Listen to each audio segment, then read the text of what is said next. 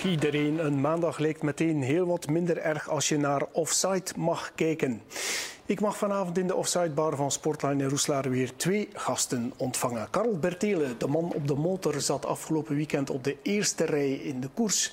Maar we beginnen met voetbal, want we zitten in de slotfase van de reguliere competitie. En het is spannend. Daar mag Thomas Buffel zo meteen over getuigen.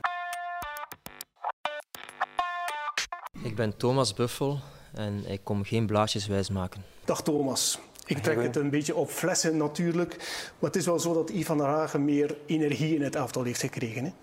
Klopt, eh, een beetje vechtersmentaliteit. Ook, uh, ja, als voetballer was hij ook zo, een echte zes uh, aanjager. En dat is wat je nodig, nodig hebt hè, om, om, ja, om het onderste uit de kant te halen. Ja, de nonchalance moest er ook uit, zei. Ja, natuurlijk veel jonge spelers hè, die, die ook nog denken als uh, als, als op, allee, dat ze aan het opleiden zijn, maar het is toch belangrijk, zeker als het, als het uh, zaterdag of zondag is, de wedstrijddag is, dat het moneytime is. En dan moet je toch het opleiden een klein beetje aan de kant zetten. En, ja. en is het gewoon puur zaak om, om de taak te doen die gevraagd zijn. Ja, soms moet je niet echt zoeken naar de voetballende oplossing, maar moet je doelgerichter gaan werken. Klopt, uh, is heel belangrijk. Zeker uh, dat je wat stabiliteit krijgt in je elftal. En, en, en, zeker als je tegen de concurrenten speelt, dat je de problemen bij hun uh, gaat leggen. En tegen Moskou en Waasland hebben we soms wel ietsje, ietsje sneller de lange bal gehanteerd om vandaag druk te zetten en, en, gelijk gevaarlijk te zijn op de helft van de tegenstander. En, en dat heeft gewerkt. Ja, wat heeft hij nog veranderd, hier Van der Hagen, in die korte periode dat hij er al is?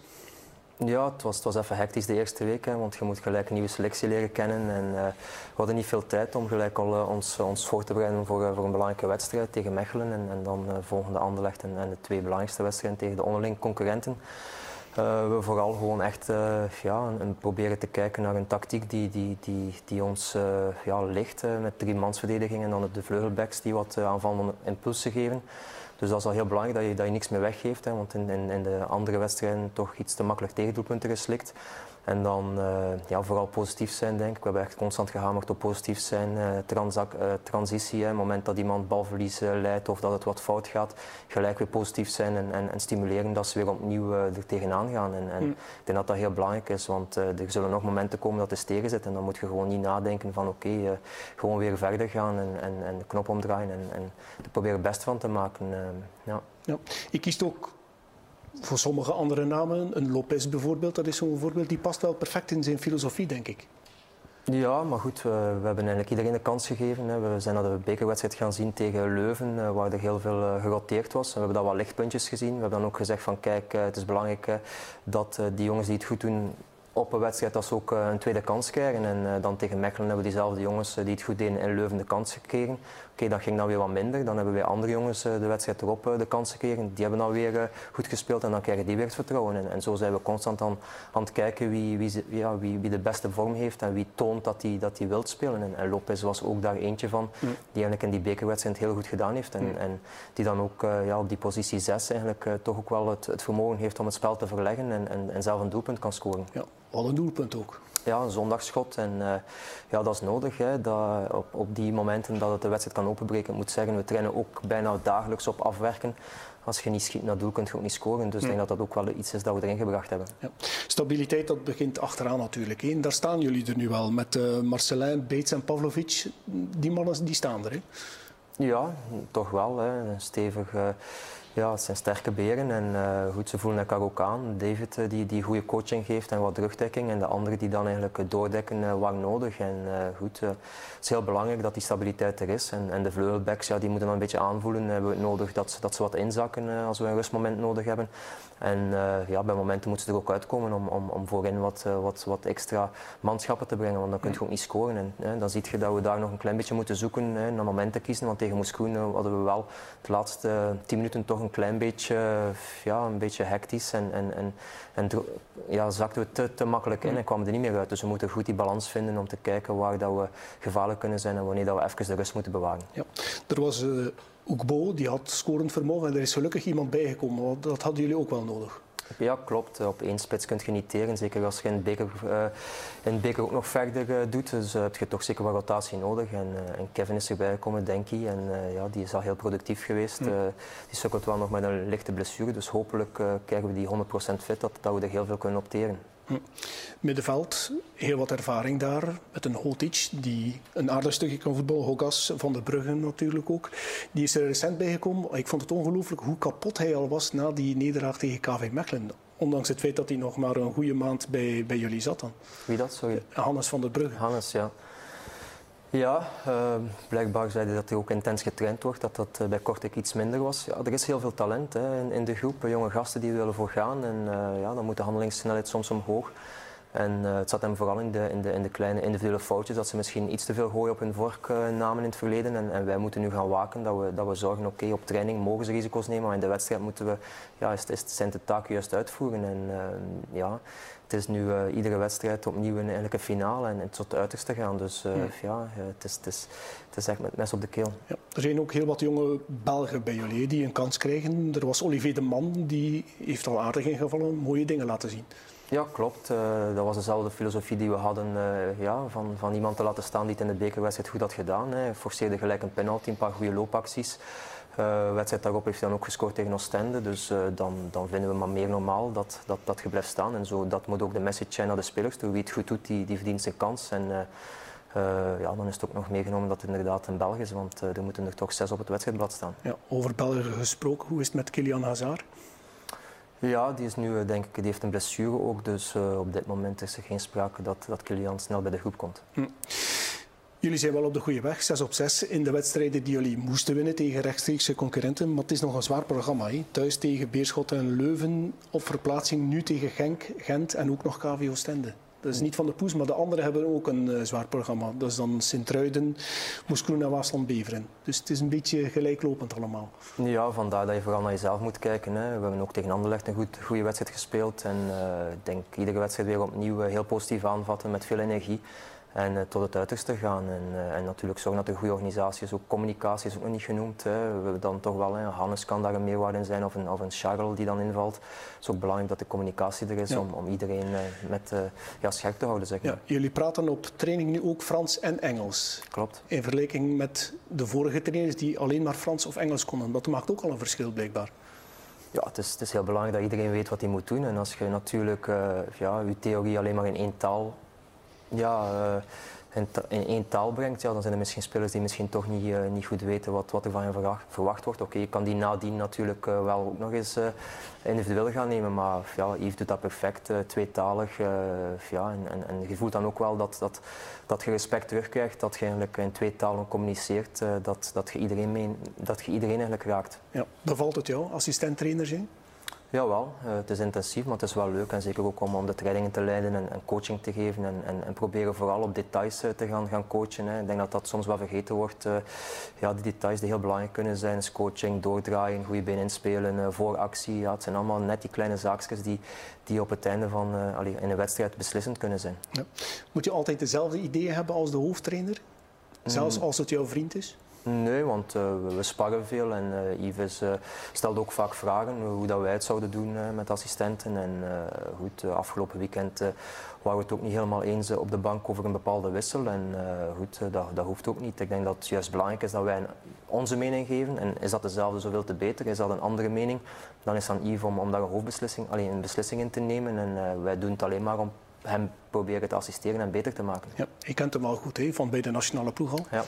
Ja, we waren kamergenoten en uh, ja, ik denk wel dat we een beetje dezelfde mentaliteit hebben. Hè. We zijn positief ingesteld, we willen de groep positief meenemen, maar als het moet, dan, dan, dan gaan we ook eens met de vuist op tafel slaan als we zien dat, het, uh, dat er te veel gemakzucht is. Dus daar waken wij voor. Ja, die Rode Duivels, daar ben je nog niet rechtstreeks bij betrokken, maar je blijft wel assistent van Jackie Matthijssen bij de belofteploeg.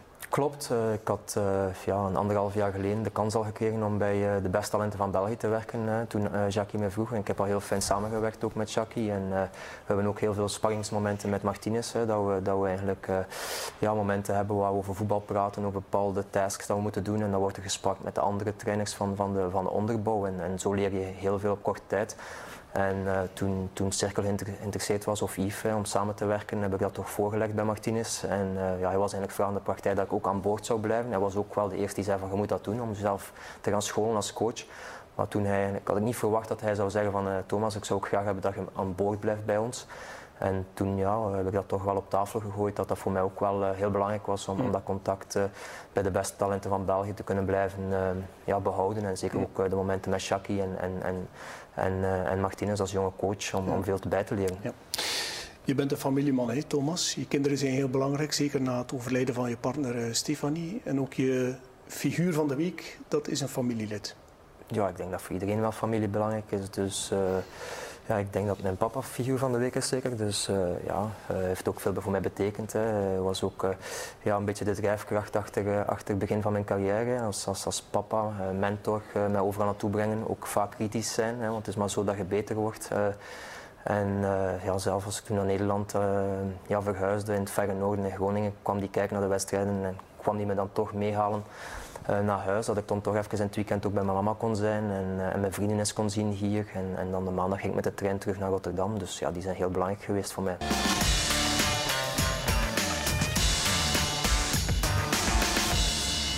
Ik ben Karel Bertele, sportjournalist, wielerjournalist. Uh, basketbal is mijn uh, tweede sport. En ik was uh, vanavond bij Offside te gast om even over het, het, voorbije wielerweekend vooral te spreken. Mijn tweede gast is er komen bij zitten. Welkom, Karel Bertele. Dag, Jeroen. Heb jij nog gevoetbald? Ik heb niet gevoetbald. Ik heb van mijn acht jaar basketbal gespeeld bij Kortrijk. IJsboerke Prado, heel de jeugdreeksen doorlopen tot en met de beloften. En toen moest ik naar Leuven, eh, moest niet, maar ik ging naar Leuven om te studeren. En dan, dan is het gestopt. En nu is het een beetje fietsen op de rollen, uh, joggen uh, en zwemmen sinds een paar maanden nu ook. Dus uh, proberen de conditie te onderhouden. Koersen heb je ook nooit gedaan? Ik heb nooit gekoerst, nee. Ik heb, ik heb een koersfiets, ik heb een fiets op de rollen. Maar uh, in competitie nooit, uh, nooit gekoerst. Nee. Maar wel veel kijken naar de koers zeker. Het was lekker zeker op de motor afgelopen het was, weekend? Uh, lekker is nu niet echt het, het juiste woord. Het was frisjes. maar goed, op de motor met motorkledij en, en de pakken van tegenwoordig. En, en je wist dat het nauwelijks 9 graden ging worden. de zon is er niet doorgekomen. Iedereen dacht van we zullen een beetje opwarmen. Dat is niet gebeurd. Dus het was fris, maar met een laagje of 4, 5 uh, lukt dat wel. Ja, gelukkig is er Carlo Bertere op de motor, zo kan je ook de koers volgen. Want ja, als voetballer is het niet zo simpel natuurlijk. Nee, klopt. Uh, afgelopen zaterdag moesten we spelen om 4 uur. En uh, we zaten nog in het trainingslokaal te kijken. En het was net de finale. Ik denk dat ze de muur opreden en het begon allemaal. En, ja, toen, uh, toen moest ik toch naar buiten om warming-up te geven. Dus ja. dat vond ik wel vervelend. Dus we mogen nog niet verklappen wie er gewoon niet nee, nee, moet nog kijken. Ja. en op zondag heb je hem bezig gehoord in, uh, in Klopt, we hebben nog training gegeven s'morgens en daarna ben ik uh, teruggereden naar Limburg. En ja, heb ik zijn joviale, warme stem gehoord op de radio. Kijk eens aan. Ik heb twee atypische koersen gezien dit weekend. Ja, wij ook. het was onvoorstelbaar. Ik heb voor het eerst sinds lang bijna de hele omloop gereden achteraan. Dus ik heb valpartijen gezien, ik heb lekker banden gezien, ik heb miserie gezien. Ik, uh, we zijn tussen de auto's blijven slalomen. Um, en het pak scheurde niet, want dat proberen we altijd. We, vertrekken achteraan en dan hopen we op te schuiven. En we zijn niet vooraan geraakt. Uh, ik ben één keer gaan kijken vooraan naar de, de, de leiders, om toch even te zien, ja, hoe loopt het? Dat was toen nog 7, 8 minuten voorsprong, dus we konden even stoppen om een plasje te maken. Maar voor de rest was het, uh, was het wachten, wachten, wachten. En zoals Thomas zegt, uh, het moest beginnen op de muur, maar het is eventjes gescheurd. En dan op de Bosberg. Ik ben op de Bosberg achteraan blijven rijden, achter een pak van 60 renners. En er gebeurde niets meer. Hm. Dus uh, ja, merkwaardig, atypisch. Heeft dat te maken met corona, het gebrek aan koerskilometers? Ik denk niemand het. die het verschil kan ja. maken? En uh, niemand die denkt van, als ik nu aanval, Um, ik ben zeker dat ik tot het einde kan doorrijden. Ik hou dit vol. Er zijn vragen bij al die coureurs. Wat kan ik nog? Uh, naast stelt dat ieder jaar, bij iedere koers. Maar nu was het inderdaad van. Als ik meega in een aanval, ga ik die aanval kunnen dragen tot op het einde.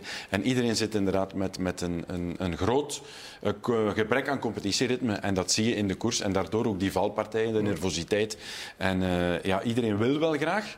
Maar het komt er voorlopig niet uit. Dus ik denk dat we nog een beetje de maand maart gaan nodig hebben om dan uiteindelijk uh, ja, met de klassiekers en vanaf Harelbeke, laten we zeggen, tot en met Luik ja, de hoogdagen mee te maken.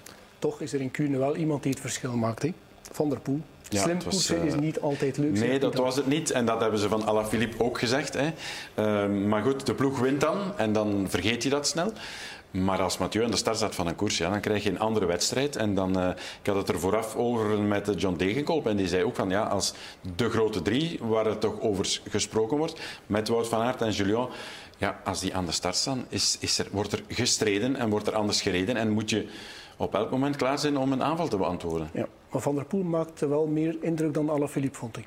Dat is waar, want Alaphilippe is niet echt weggeraakt. Want op de Berendries, waar het gebeurde, van achteruit gezien ook, zag je de verschillende groepjes. Dus je zag hem rijden. En dan weet je, achtervolgens hebben een mikpunt, dus hij rijdt niet weg. Van der Poel was wat anders. Um, ja, op 5 of 86 kilometer beginnen. Uh, maar ja, dan rijdt hij dat gat wel dicht. En dan hebben ze achteraan toch wel ja, hun tenen mogen kuisen, zoals ze dan zeggen. Maar je ziet dan ook dat het de beter zijn die naar voren komen. Mm. En dat krijg je niet in, in, een koers waar geen Van der Poel of iemand anders zoiets doet, zo'n move. Maar ik denk dat iedereen het graag gezien heeft. Mm. Het was misschien aangenaam om naar te luisteren ook, want gaat hij het halen of niet? Dus je kunt op de radio dat ook nog een beetje extra in de verf zetten. Dus ja, de koers is, is, is iets... Uh, is, is, een, is een heel interessante koers geweest voor, om te volgen. Het zijn wel twee zeer interessante figuren. Hè? Zowel Mathieu van der Poel als Wout van Aert. Alhoewel die nu dit weekend niet meedeed natuurlijk. Ja, absoluut. Uh, ja. Maar als ik naar een, een, koers kijk, dan ben ik altijd een beetje chauvinistisch. En dan wil ik graag dat er een Belg wint. Van Avermaat of Gilbert. Noem ze maar op. Uh, dus, uh, maar goed, alle respect voor Van der Poel. Een fantastische renner. Ja. Dat is een halve Belg. Dat is zo, ja. De Koning Quickstep had wel de sleutel in ja. handen. Lampaard bijvoorbeeld, die offert zijn kansen op, mm dan weet je dat hij nog niet 100% is. Hè? Nee, dat gaf hij achteraf ook toe. Uh, hij is dan ook nog eens te val gekomen, een slipper gemaakt aan de kant en moet terugkeren. Hij komt dan nog wel terug in die grote groep en dan in de finale laat hij zich met Alaphilippe afzakken. Oké, okay, dan, dan rijdt hij geen prijs. Maar uh, ze hebben er wel voor gezorgd natuurlijk dat ze de koers toch weer in handen hebben genomen. Ze waren in overtal alweer. Ze maken het dan ook af en dan lees je achteraf, want vooraf gaan ze dat nooit prijsgeven. Maar je leest achteraf dat ze dus in de bus gezegd het is voor Ballerini vandaag. Ja, als dat dan intern zo kan uitgespeeld worden, met misschien die aanval van Alaphilippe die niet gepland was, maar dan voel je toch wel van dat Alaphilippe ook onderweg zegt van oké, okay, oké, okay, c'est pour toi.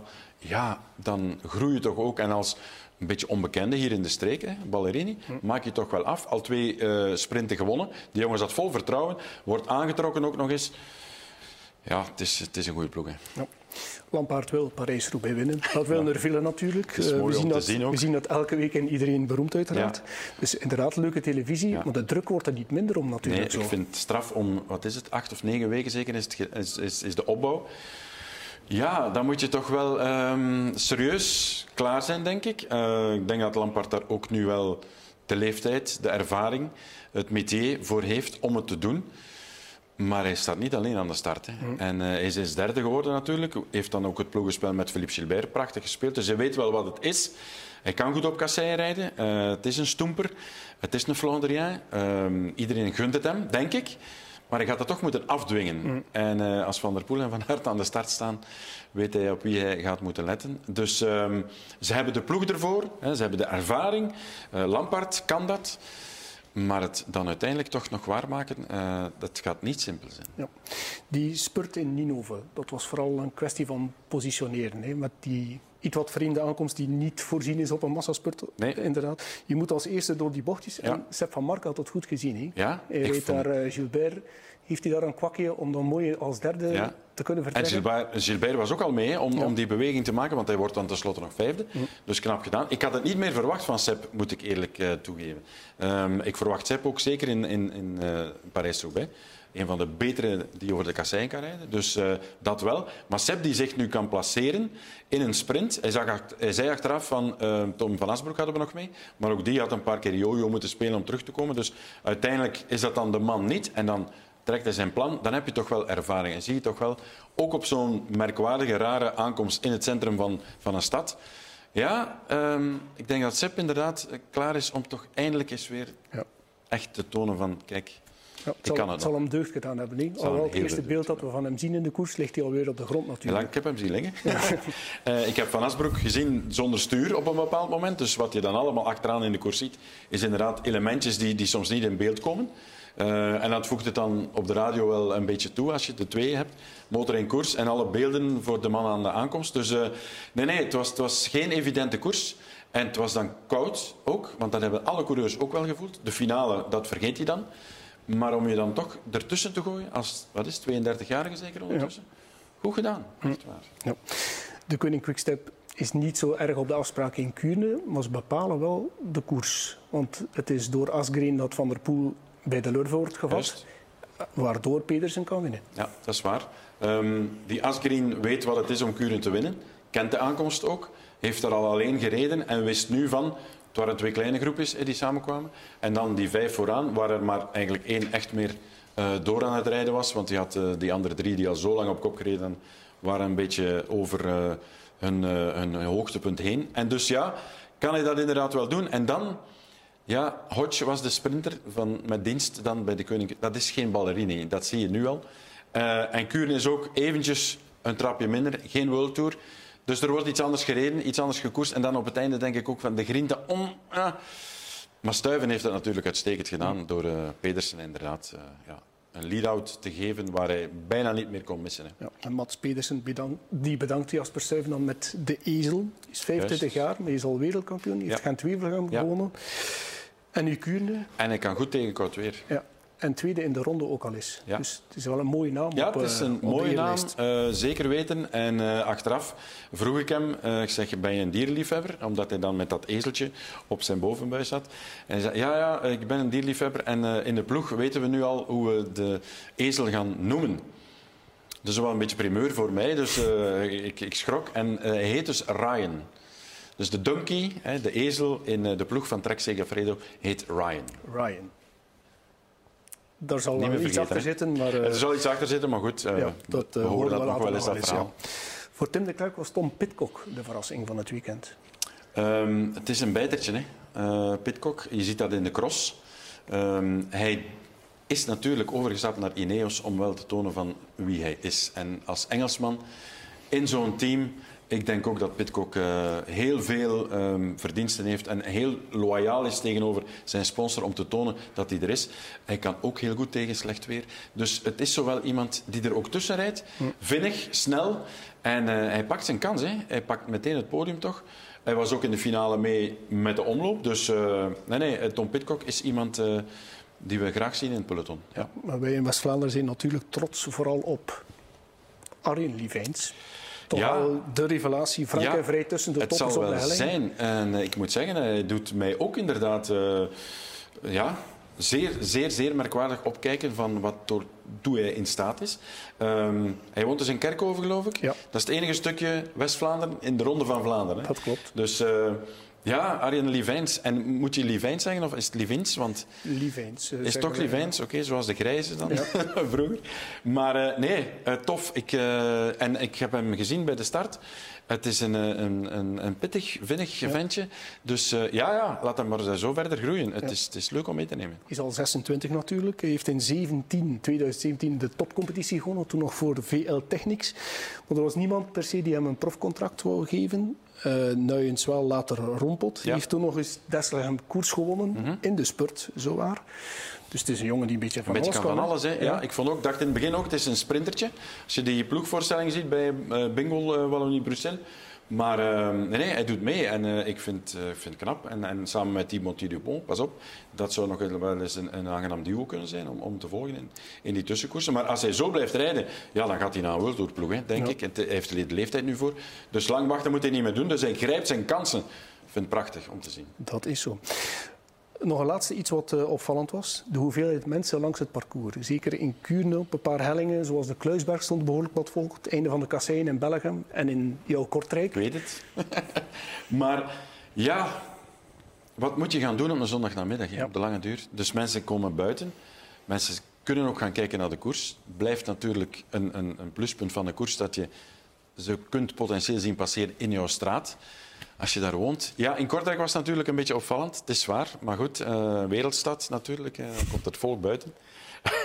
maar ja, kijk. Ik heb daarnet de gouverneur van Oost-Vlaanderen ook gehoord, eh, mevrouw Van Kouter. En ze was een beetje ja, niet echt content, omdat iedereen er zoveel aan gedaan had om de hellingen af te sluiten en, en ervoor te zorgen dat er niemand op de kasseistroken stond. Maar goed, ja, ehm, laat ons hopen dat het eenmalig is. Dat de mensen inderdaad toch verwittigd zijn dat het zo eigenlijk niet coronaproof was. Maar ja, hou je maar eens eh, binnen in huis als de koers voor je deur passeert. Hè. Het is ook niet leuk natuurlijk, hè. voetballen zonder publiek. Nee, klopt. Uh, ja. Ik kan me voorstellen voor de spelers dat dat uh, ja, niet min is. Hè. In, in, een vol stadion word je toch nog even iets meer opgepept. Uh, nu hoor je vooral de, de coach schreeuwen hè, en niet meer de supporters. Maar ook voor de wielrenners, ja, als je zo uh, langs het parcours ja, die, die, die massa staat, ja, dat, dat is een enorme adrenaline lijkt mm. En zeker als je dan wat moe bent, dan, dan voelt je dat gewoon niet. Dan word je gewoon naar boven geschreeuwd, denk ik. Ja, maar je moet corona vermijden natuurlijk. Hè? Jullie zouden toch geen Club Brugge scenario willen? Nee, klopt. Wij, wij nemen ook onze, onze maatregelen. Uh, ja, per twee mag eten en toch voldoende afstand houden. Hè, zodat we toch nog wat bubbels kunnen maken. Stel dat er iemand positief is, dat we dan toch nog wat kunnen ingrijpen. Maar goed, ja, je, je, bent nooit 100% safe. Als je naar de bakker gaat of ergens gaat, ja, iedereen kan toch wel ja, in contact komen met, met het virus en dat is heel vervelend. Ja. Woensdag de beker in Anderlecht. Jullie gaan ervoor, hè? niet inhouden. Nee, natuurlijk niet. als je in de kwartfinale van de beker zit ja, en, en, en, en de deur open hebt naar de halve finale, dan moet je ervoor gaan. Dus we gaan zeker daar voor een goed resultaat. Ja. Nog iets aan? Ja? Ik kan een tip meegeven, ze moeten voorbeeld nemen aan KW Kortrijk. Ja, die winnen altijd uh, in Anderlecht. Dat zou genoeg zijn, alleszins. Ja. was nog met Yves dan in de tijd niet, ja. dus die zal het wel weten. Dus de trainer hebben al nu nog het resultaat. Uh, toeval of niet, maar zowel jij als Christophe van der Hoor zijn ook de basketmannen van Sportzaal ja, uh, twee dingen om daar naar uit te kijken. De bekerfinale mhm. binnenkort mm -hmm. en uiteraard de Olympische Spelen met de Belgian Cats. Dat is waar. Um, de bekerfinale gaan wij niet meemaken, alle twee niet, omdat we naar Milaan Sanremo zijn en de terugvlucht is zondagnamiddag. Dus uh, we gaan er niet bij zijn. Oostende Mechelen. Ik vrees een heel klein beetje voor een inrichtingsmatch met Oostende dat uh, zo goed is. Maar goed, je weet nooit. Uh, Mechelen moet zijn kans grijpen en een bekermatch is een dubbeltje op zijn kant, sowieso. Maar goed, de ervaring van Oostende. En dan ja, de Belgian Cats. Um, ik denk dat zij ver kunnen geraken. Australië is natuurlijk, denk ik, een klasse te sterk. Maar die andere twee matchen moeten gewoon gewonnen worden. En dan gaan ze naar de kwartfinale. En dan is het do or die, erop of eronder, met Emma, met Julie Alman, die aan het uh, beter worden is per match. Chiara Linskens, terug uit uh, blessure. Um, Kim op de vleugel en uh, Antonio Dallara. Dus de basis 5 moet klaar zijn. En dan volgt de rest. En wat er nu gebeurd is, de jongste tijd, is dat die bank dieper geworden is. Dus 6, 7, 8 die erin komen, de Cats verzwakken niet. Als ze dat kunnen doortrekken nog tot 9, 10 en 11 en eventueel aan Wouters met een aantal belangrijke minuten om Emma te laten rusten, uh, we moeten erin geloven. We moeten erin geloven. Maar eerst nog het EK-basket ja, voor de Cats. Eerst nog die Olympische Spelen laten doorgaan natuurlijk. Dat zal ook al uh, iets zijn. Het is mooi weer, uh, Thomas. Gaan de verkoopcijfers van je gin evenredig de lucht in? Zou ik eens moeten vragen aan mijn collega's, want het zijn voornamelijk hen die zich ermee bezighouden nu. Want ik, focus, ik focus me op de voetbal. Ja, maar de horeca ligt stil, dus dat, dat is wel een beetje ja, minder dan. Ja, laat ons hopen dat we binnenkort weer een aperitiefje kunnen nemen op het terras in plaats van dat vreselijke aperitief. Ik krijg al koud als ik het hoor. Heren, mag ik jullie bedanken voor jullie komst. Veel sportplezier de komende tijd, uiteraard. Zeker nu de zon ons naar buiten lokt om uh, wat te gaan doen. Hè. Volgende week zijn we hier terug te gast in de Offside Bar van Sportline in de Roeslaren. Dus graag tot de volgende keer. Graag tot Offside. Was een heel leuk gesprek, een vlot gesprek. Ja, ik heb ervan genoten. Als korter examen was het ook uh, wel eens plezant om, om uh, bij uh, WTV Focus aanwezig te zijn. Dus we hebben kunnen praten over de koers, over vooral Kuurne dan, wat dan het voorbije weekend hier in de streek ook koers nummer 1 was. Daar de aandacht een beetje op gevestigd. Um, vertelt ook hoe de koersen verlopen zijn in het voorbije weekend. En dan samen met uh, Andergast Thomas Buffel het voetbal nog even onder de loepen genomen. Uh, Cercle Brugge dat woensdag misschien wel voor een stunt kan zorgen op Anderlecht. Als ze het voorbeeld van Kortrijk volgen, daar gaan winnen met 0-2, dan is Cercle Brugge halve finalist in de beker. Dus ik wens het Thomas Buffel en Yves van der Hagen van ganser harte toe.